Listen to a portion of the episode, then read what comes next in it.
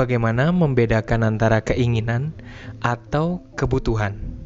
Selamat datang di podcast Jurnal Lembu bersama gue Lembu Tambun di edisi liburan produktif keempat. Oke. Bagaimana cara membedakan keinginan dan kebutuhan?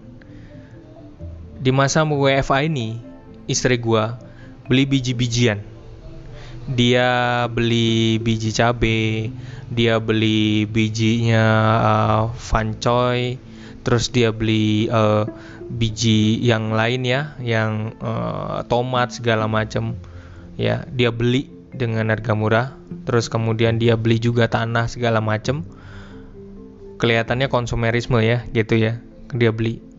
Tapi akhirnya semuanya tumbuh dan uh, akhirnya nanti uh, sekarang udah mulai di setelah udah mulai tumbuh bibitnya sekarang udah mantep jahe juga kita tanam selama WFH ini. Jadi uh, kita punya harapan nanti ke depannya itu bisa kita konsumsi uh, konsumsi sendiri gitu. Nah ini yang saya sebut sebagai kebutuhan. Jadi sesuatu diciptakan sesuatu, uh, sesuatu yang kita keluarkan dari dana kita sendiri tapi ke depannya jadi berguna buat kita sendiri gitu. Ya, inilah yang disebut uh, benar-benar kebutuhan. Pada saat WFH mungkin dia juga bosan dengan WFH, akhirnya harus mencari kegiatan yang bisa membuat uh, menikmati hari-harinya.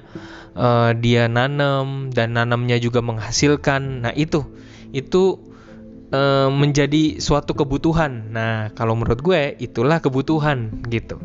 Nah, kalau yang namanya keinginan, ya, biasanya sifatnya spontan, datang, lalu kita punya harapan, punya keinginan yang eh, apa, uh, punya desakan yang kuat, uh, karena mungkin uh, atas rasa kepanikan gara-gara lihat di sosial media atau karena uh, pengaruh dari orang lain dan kita belum mencapai, kemudian dia cepet-cepet pengen punya gitu ya. Uh, misalnya pergi ke uh, malamnya kita mau beli uh, sesuatu di Indomaret lah gitu. Pas sampai di Indomaret tujuannya pengen beli alat cukur ya. Tapi gara-gara lihat es krim yang begitu nikmatnya gitu ya yang sebenarnya nggak ada dalam tujuan awalnya akhirnya kita beli gitu ya. Terus belinya nggak nanggung belinya tiga belinya terus kemudian kayak uh, orang yang kalap lah gitu.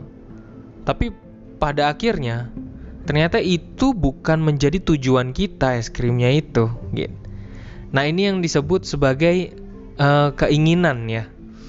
Jadi belum terlalu butuh banget tapi kita langsung pengen uh, apa namanya ingin ingin ingin menghabiskan gitu ya. Ya belum belum terlalu belum merasa untuk uh, berguna banget atau perlu banget gitu. Jadi pada akhirnya uh, menjadi kesia-siaan gitu. Ya uh, kalau misalnya kadang-kadang uh, istri gue juga misalnya kalau ke Indomaret eh, ke ke modelnya kayak Hypermart atau misalnya kayak yang uh, Superindo yang gitu ya. Kadang-kadang gue sering negur tolong catat dong bikin prioritas catat bikin prioritas gitu. Kenapa? Karena ketika faktanya ketika udah datang di lokasi matanya gatel ya. Jujur aja matanya gatel ngeliat ih lucu ya ih mainan lucu, ih makanannya lucu, ya. Oh akhirnya tertarik untuk beli. Terus kemudian sesuatu yang belum diperlukan, tapi akhirnya terbeli, ya.